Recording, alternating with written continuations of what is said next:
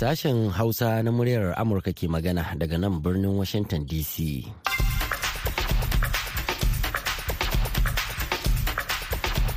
Masu saurare Assalamu alaikum barkanmu da asuba da fatan an tashi lafiya.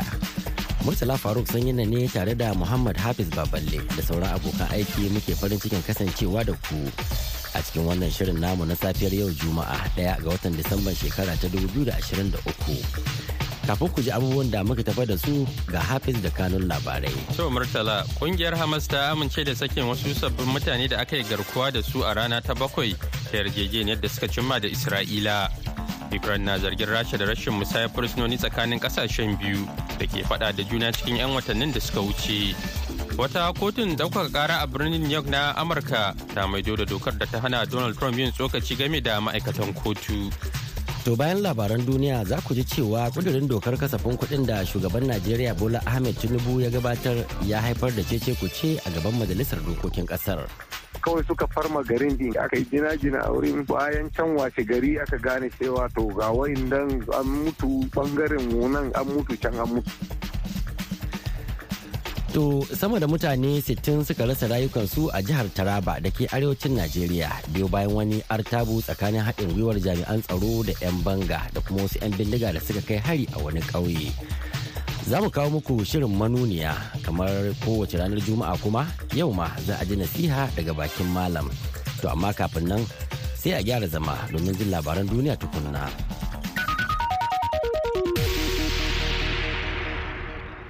Jama'a assalamu alaikum da fatan an wai gari lafiya. Jiya Alhamis ƙungiyar Hamas ta ce ta sake sakin karin wasu Isra'ilawa goma da ta yi garkuwa da su da kuma garokin mutum uku cikin waɗanda aka yi garkuwa da su bayan da masu shiga tsakani suka cimma yarjejeniya don dakatar da buɗe wuta tsakanin Isra'ila da Hamas zuwa kwana na bakwai. A nasu ɓangaren kuma a nasarar Isra'ila za ta saki wasu Falasɗinawa da ke ɗaure bayan tattaunawar da aka yi kan ci gaba da tsagaita dakatar da wuta a cikin mintuna sha biyar na wa'adin kwanaki shida na yarjejeniyar biyu da ke shirin karewa.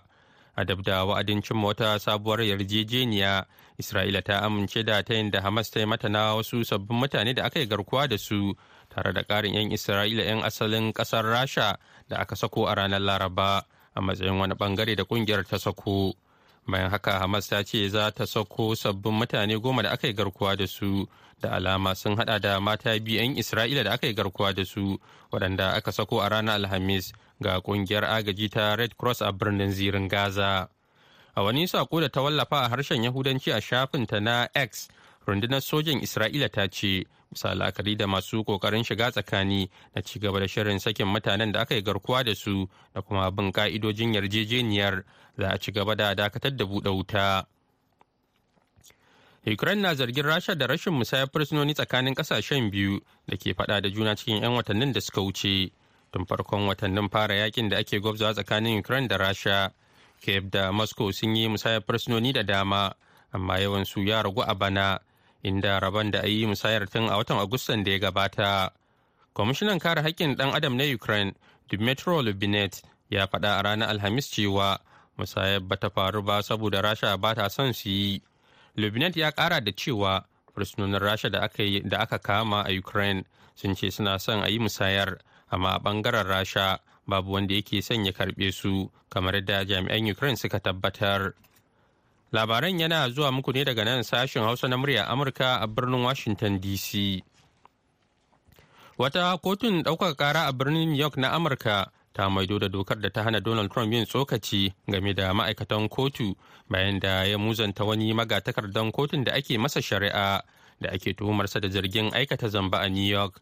Alkalin kotun arthur ingron ya sanya umarnin hana yin magana ne a ranar uku ga watan oktoba bayan da Trump ya wallafa wani kalami na ɓatanci game da maka takardar alkalin kotun a shafukan sada zumunta. Sakon da ya wallafa ya hada da zargi mara tushe game da rayuwar magatakardar. Hakan ya faru ne kwana na biyu na shari'ar da ake yi na karar da Attorney General ta jihar New York Letitia James ta shigar. Ana zargin Trump da ƙara yawan dukiyarsa kan bayanan kuɗi da aka yi amfani da su wajen samun lamuni da ƙulla yarjeniyoyi. Sai dai tsohon shugaban ƙasar na jam'iyyar republican ya musanta aikata ba daidai ba.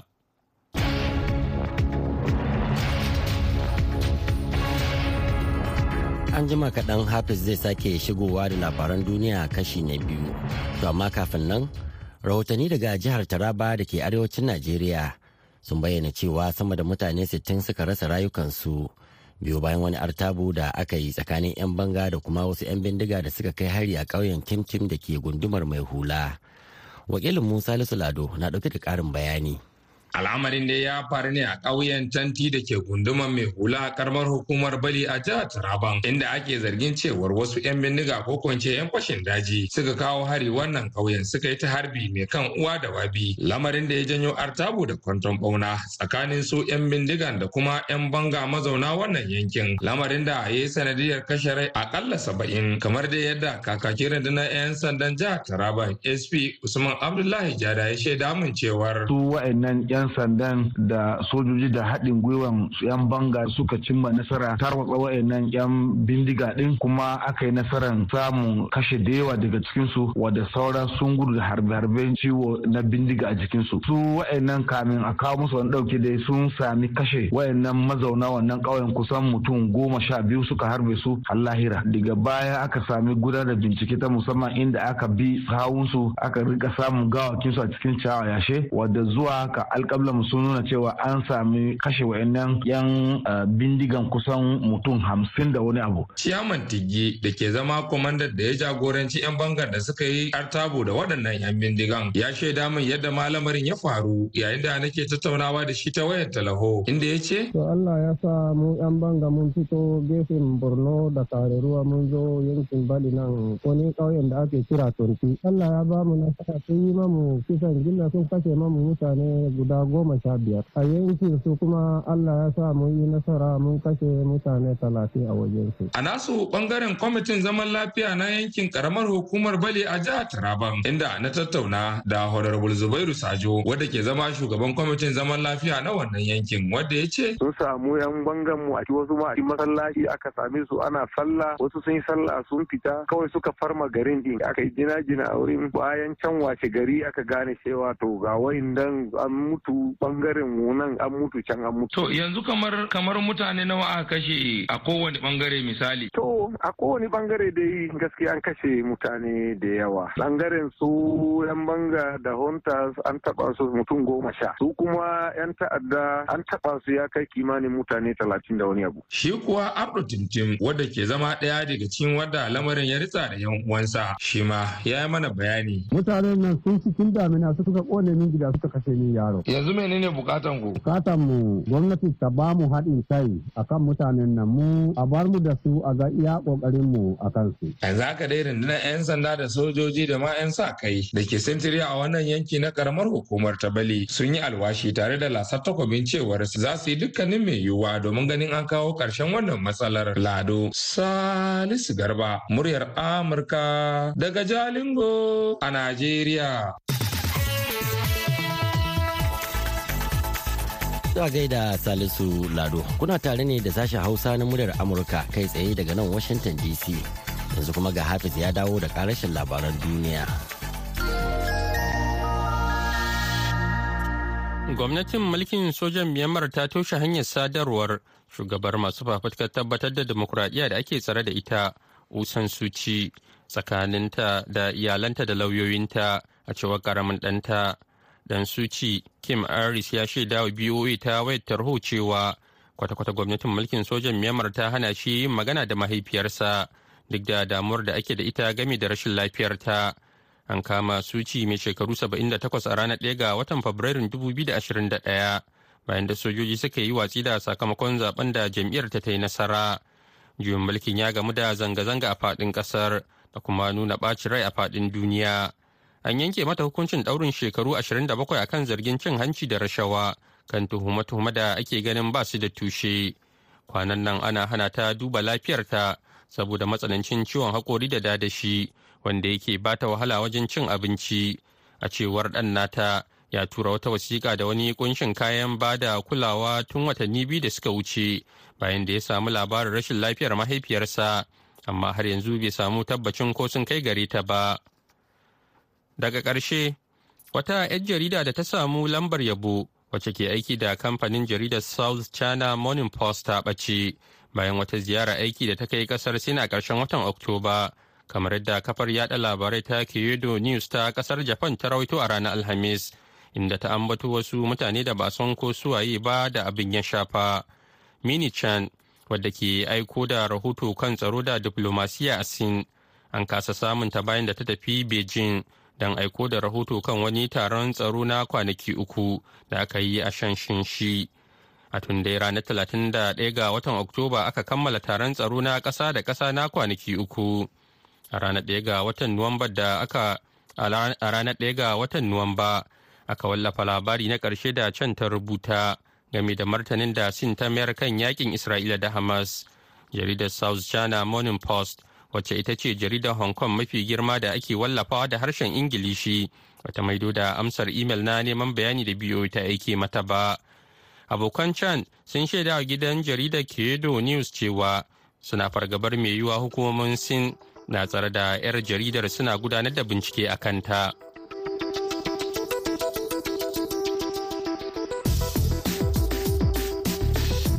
Muhammad Hafiz Baballe kenan ya karanto mana labaran duniya daga nan sashen Hausa na muryar Amurka a Washington DC.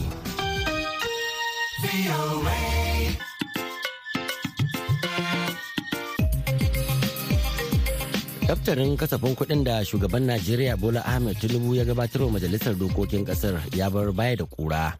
Yayin da wasu daga cikin 'yan majalisar suka bayyana daftarin a matsayin fanko da kuma yaudara.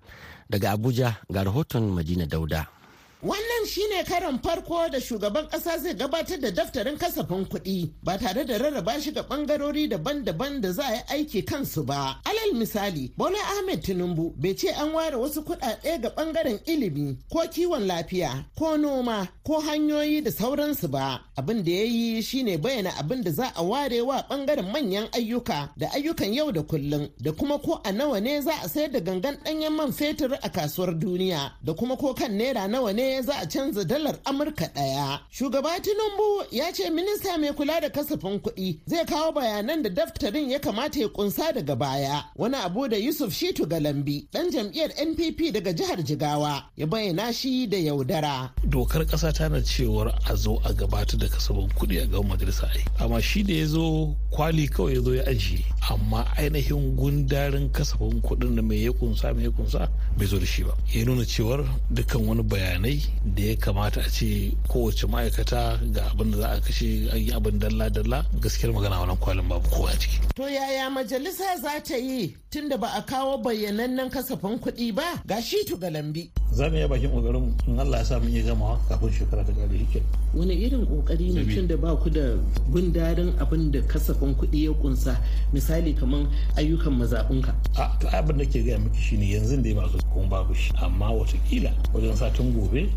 ko watan gobe a kawo. Daga nan kuma sai mu ga a amma dai yanzu dai an karanta samari wato an karanta samari na abin da bai da za ta kusa an karanta mana benchmark an karanta manyan ayyuka da sauransu. Amma dai mu ga abin a zahiri a rubuce kamar yadda aka saba yi shekara ko kuma kamar doka ta ce a yi shekara. Shi abin da ba yi ba. amma ga shugaban kwamitin kula da kasafin kuɗi a majalisar wakilai abubakar bichi wanda shi ɗan jam'iyyar apc ne daga jihar kano ya ce wannan kasafin kuɗi da shugaba tinubu ya kawo kasafi ne da zai amfani jama'a. Muna ga wani bajet ya zo da alharai daban-daban. An ka duba manyan ayyuka na yau da gobe an kara musu kuɗi fiye da yadda ake su a shekarun baya. So muna ga wannan kasafin kuɗi da aka kawo shugaban kasa ya kawo zai taɓa al'umma musamman mutanen da ke karkara da mutanen da suke jihohin wani kasa gaba ki insha Allah. Wannan kasafi dai shine mafi yawa a tarihin Najeriya. To ko me Abubakar Bichi zai bayyana mana a game da bashin da ake so a ciwo na dalar Amurka biliyan ɗaya? A shi fa bashi inda za a yi ayyuka ba laifi ba ne kowace kasa a duniya in ka ɗauki kasa America ta kowace kasa bashi a duniyan nan saboda haka in za a yi ciwo bashi a yi aikin hanya a zo a gina titin jirgin kasa a zo a gina makarantu a gina asibiti ba laifi ba ne amma akan batun ciwo bashi kwararre a fannin tattalin arziki Dr. Sa'ad Usman ya gargaɗi kan batun ciwo bashi yana cewa idan bashin ya yi yawa kuɗin da muke samuwa na cikin kasan ba zai iya yi ayyukan da ya kamata mu kuma mu biya bashushukan da yake kanmu ba. Domin bashukan nan za mu zo mu biya su kuma za mu biya uwar kuɗin da kuma kuɗin ruwan. Shine ya kamata najeriya ta sani. Majalisa ta ce za ta ci gaba da zama har ranakun asabar da lahadi idan ya kama domin a samu kammala aiki kan kasafin kuɗin. Madina dauda muryar amurka daga abuja najeriya. To a gaida Madina Dauda idan Allah ya kai mu a shirinmu na hantsi za ku ji wani rahoto game da ra'ayoyin wasu 'yan Najeriya kan daftarin kasafin kuɗin da shugaba Bola Ahmed Tinubu ya gabatar. To amma kada manta wannan shirin na zuwa muku ne daga nan birnin Washington DC akan mitoci goma sha shida, ashirin da kuma talatin da ɗaya. A jamhuriyar Nijar kuma za a iya sauraron mu a tashar mu ta VOA Africa akan mita ɗari da biyu da ɗigo biyar. Baya ga haka ko da yaushe ake so za a iya zuwa shafukanmu na intanet a voahausa.com ko kuma sashen hausa.com yanzu kuma sai a gyara zama domin jin shirinmu na gaba wato manuniya. Manuniya.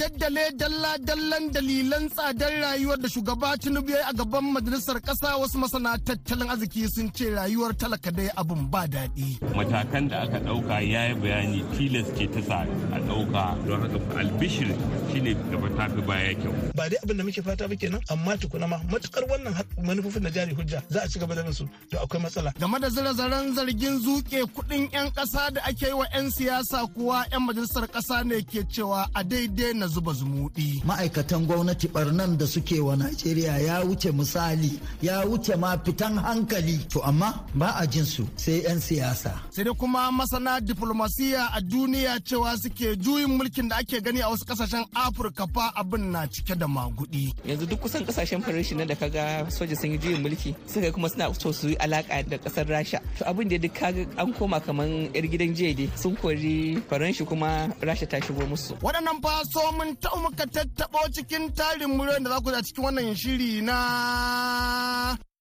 manuniya.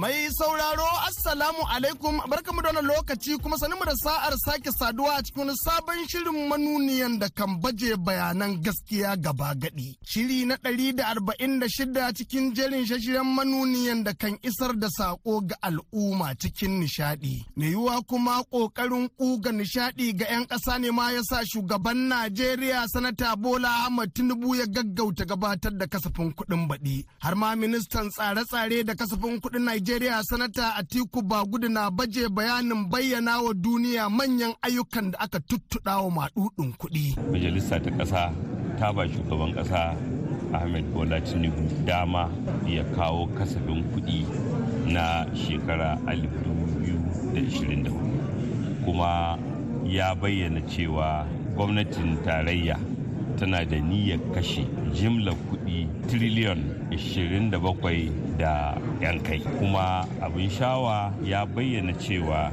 za a yi ƙoƙari kuɗin da ke shigowa gwamnati ya ƙaru ya kai akalla triliyan 18 domin rage bashin da ake ci. Kuma na biyu ya yi bayanin cewa amfanin kasafin kuɗi shine amfani jama'a. Don haka za a ƙara kuɗin da ake kashewa ga abubuwa na jin daɗin jama'a da amfani musamman harkar ilmi harkar lafiya harkokin zirga-zirga na hanyoyi da kuma bunƙasa ƙasa da abinci. Duk da haka ya ƙara bayanin cewa gwamnati za ta ƙara kiyayewa na nuna ma jama'a musamman waɗanda tashin farashin kaya ya shafa.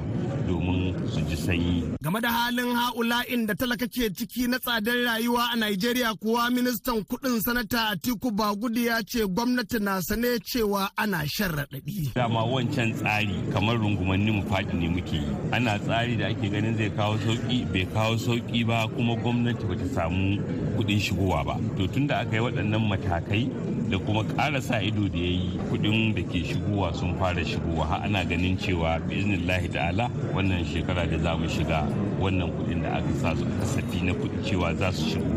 To suwaji bola ahmed tinubu yana da tausayi. Matakan da aka ɗauka ya yi bayani tilas ce ta sa a ɗauka don kada a yi ta hasara. Don haka albishir shine bi iznillahi ta'ala gaba ta fi baya kyau. Tuni dai masana tattalin arziki irin su Dr. Ismail Muhammad Ancau na kwalejin kimiyya da fasaha ta tare Najeriya da ke Kaduna wato Katpoli suka fidda alkalamin rubuta raunin tsarin gwamnatin da ya ce talaka ne ke da abinci amma dai an bar shi da suɗi. Duk abin da ƙasa za ta yi ya zama ɗan ƙasan ta ba sa cikin yunwa to akwai sauƙi amma da zaran an cire man kamar yadda muka yi bayani hatta farashi na magunguna da na abinci da duk abin da ka sani na karuwa don haka jama'a suka shiga cikin wani hali na tagayyara wannan in ka lura ko a Najeriya sa sa ce abubuwa ana da ya karu da mutane suna neman hanyar da za su rayu. Don haka zaka dinga ganin mutane suna fita kusan sun fita cikin hayyacin su saboda ga ina ake sayar da masara ga ina ake sayar da shinkafa dan adam dan Najeriya sun ma rasa yadda za su sa kansu. Don haka wannan matsala ce wadda ko ba mu san lokacin ƙarshen ta ba. Matukar dai a cika ci gaba da bin waɗannan manufofi na jari hujja kamar yadda muka yi bayani to al'umma sun dinga shiga cikin wannan halin kuma mun dinga ganin ƙarin mai kenan. Saboda matuƙar naira aka ce za ta nemo darajar a kasuwa ba tare da gwamnati ta ba da tallafi ba to naira za ta ci gaba da faɗuwa saboda muna da karanci abubuwan da muke fitar da su daga waje to matuƙar za a shigo da su abubuwan da muke amfani da su da ya shafi sutura da ya shafi abinci da duk abubuwan da ka sani farashin su zai dinga karuwa saboda sai an sai da naira za a sayo dala. Dan haka kusan ba a maga komai ba ba dai abin da muke fata ba kenan amma tukuna ma matuƙar wannan manufofin na jari hujja za a ci gaba da su to akwai matsala. Hatta wannan gwalan kuɗin da ake ganin kamar an samu dangane da maganar tallafin nan to ai kuɗin da gurin al'umma suke zuwa. In ma an ce za a mutane aiki ne za a musu asibiti kuɗin dai wannan da muke ƙara biyan kuɗin mai ɗin wanda da muke sayan lita ɗari da casa'in da biyar ko ɗari biyu da ashirin to mu da muke yanzu sayan ta wajen ɗari shida da wani abu to mu ne dai muke tattara kuɗin da haka ba wani abin da aka yi mana ana ƙara sa mutane suna ƙara shiga cikin talauci ne kamar a makaloni ne kuma a ce za a baka magani kaga bai wani ma'ana ba. Duk lokacin da aka ji labarin laftar kuɗin 'yan ƙasa ta hanyar cuwa-cuwa da camama 'yan siyasa ake fara zirawa zaren zargin zuke kuɗin kawai saboda an ce sun fi kowa son ganin sun tsallake su raɗi. Sai dai kuma shugaban kwamitin bin diddigin kashe kuɗin gwamnati a majalisar jan tare Najeriya sanata Ahmad Ali Wadada ya ce ma'aikatan gwamnati ne ma asali idan aka fita fagen rawa sukan wuce makaɗi. Abubuwan da muka gano suna da yawa.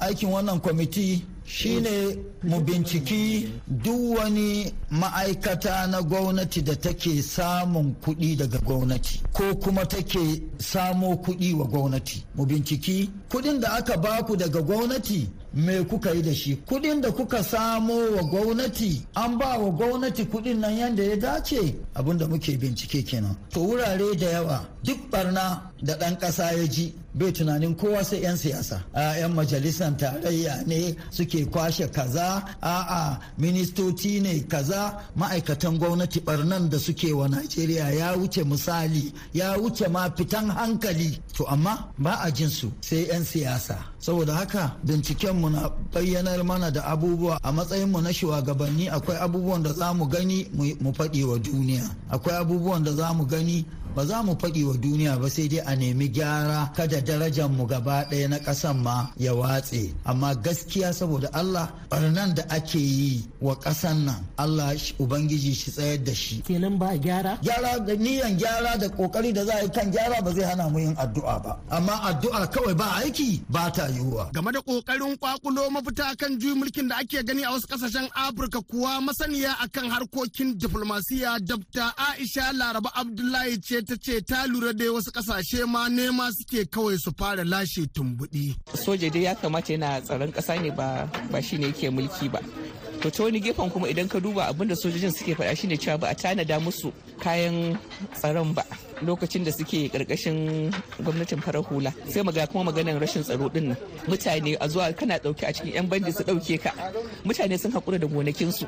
Ga kuma yunwar ana fama da ita. So suna ganin cewa wala ala idan sojan suka zo suka riƙi gwamnatin da kansu wala ala za su samu wannan tsaron. To amma ba lalle hakan ya kasance ba. Mu dai har yanzu mu ga alamar hakan na faruwa ba. Shi yasa irin tattauna irin wannan ta musamman take da muhimmanci domin a ga cewa an samu mafita ga wannan al'amari. Amma abin musamman a nan ƙasashen afirka ta yamma yana mana barazana. Amma kuma kuma silka duba kuma akwai zaka ga yawancin su ƙasashe ne wanda faranshi ta yi renon su ƙasashe ne wanda kuma suke da ma'adinai. So ana ganin kamar ƙasashen waje ma ba su taimaka ba gurin rudanin da ake samu a wayannan ƙasashe saboda suna zuwa suna ɗiban arzikin su kuma mutanen suna fama da talauci. Ga kuma yanzu bambancin ra'ayi. Yanzu duk kusan ƙasashen faranshi nan da kaga soja sun yi juyin mulki suka kuma suna so su yi alaka da da ƙasar rasha. To abin da duk kaga an koma kaman yar gidan jiya dai in ba a mai da hankali sai zamana ja ya faɗi ja ya ɗauka sun kori faranshi kuma rasha ta shigo musu.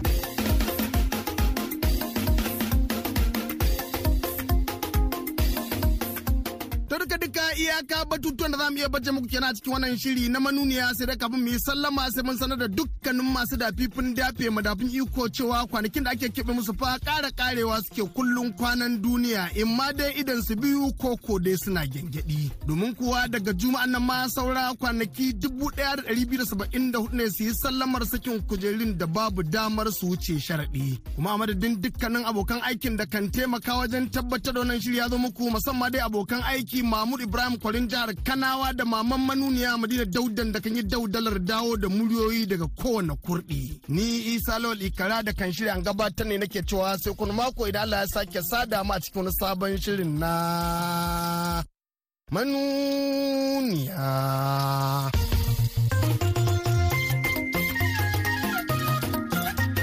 To madalla a gaida na ikara. To kamar yadda muka alkawarta ga nasihar Juma'a tare da Ustaz Sani Jos.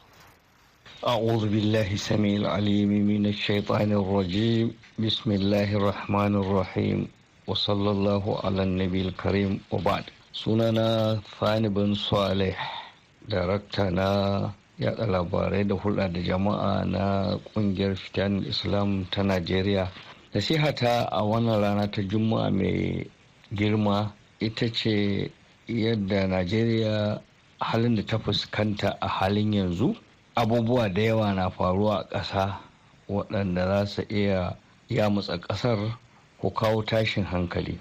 Saboda haka nasihata ita ce kowa ya zauna lafiya.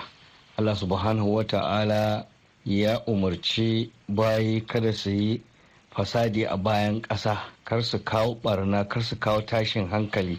Fala tufsidu fil ardi ba'da islahiha.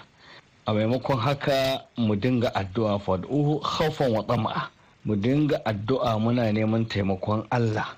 Wannan shine abin da zai zama wani mafita a wannan ƙasa tamu. Dukkan wani mai neman fitina dukkan wani mai neman tada rigima bai fi ƙarfin Allah ba. Wasu alaikum.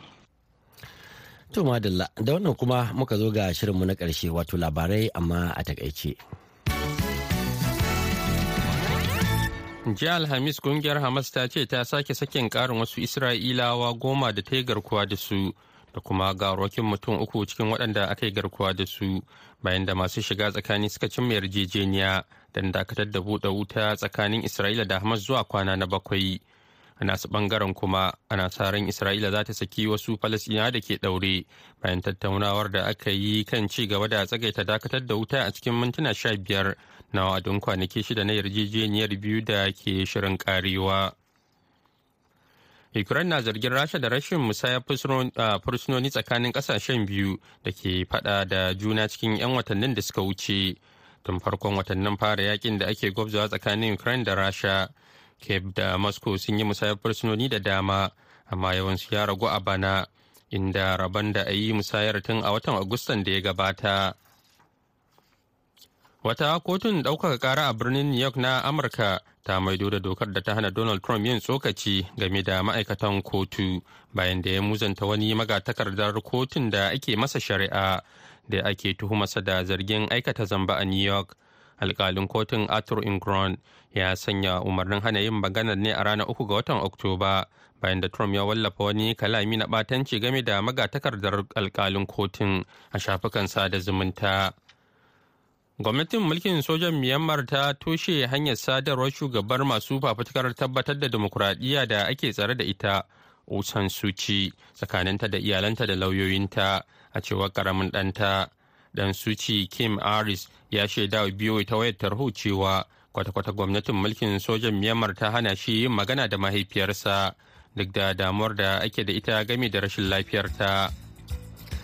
To masu saurare a nan muka kawo ƙarshen shirin namu na yanzu sai can an jima da ƙarfe 8 na safe agogon Najeriya za a ji mu da wasu sababbin shirye-shirye. Yanzu a madadin Muhammad Hafiz Baballe da ya taya ni gabatar da shirin sai kuma Dadi Balawe da ya tsara shirin ya ba da umarni da ma injiniyan mu na yanzu. Ne Murtala Faruk Sanyin na ke muku fatan alkhairi ma'assalama.